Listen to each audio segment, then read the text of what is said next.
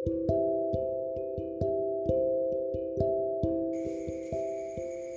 hey hey, ketemu lagi dengan Kak Adi hari ini. Dan kakak tahu, kamu pasti dalam keadaan sehat dan senantiasa sehat selalu. Hari ini Kak Adi habis bermain bola, tapi karena jarang berolahraga, lepas Kak Adi jadi ngos-ngosan nih. Tapi pada saat itu kakak berpikir, hmm, bagaimana ya cara Kak Adi bernapas? Awalnya Kak Adi berpikir bernapas hanya lewat hidung ke paru-paru dan mengembuskan lagi lewat hidung. Tapi kamu tahu tidak ada sistem yang bekerja untuk mengatur itu semua di dalam tubuh kita. Wah, sungguh sempurna sekali ternyata ciptaan Tuhan. Kamu harus selalu bersyukur untuk itu ya. Nah, sekarang kamu coba ikuti Kak Adi dengan menarik nafas melalui hidung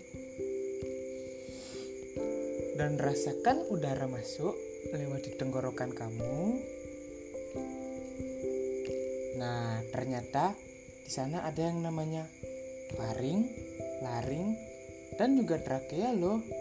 Pada saat udara melewati tenggorokan.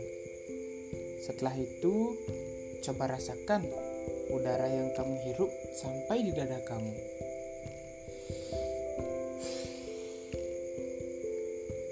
Nah, artinya udara yang kamu hirup sudah sampai di paru-paru dan telah melewati yang namanya bronkus, bronkiolus, dan alveolus loh sebagai tempat pertukaran oksigen dan karbon dioksida di dalam paru-paru.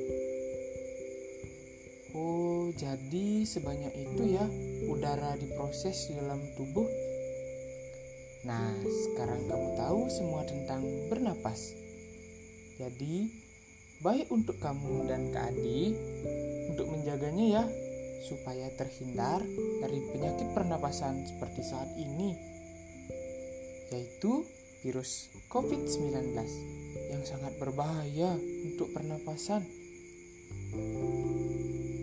Nah, sekarang Kak Adi lanjut berolahraga dulu ya untuk menjaga napas supaya sehat dan sampai jumpa lagi.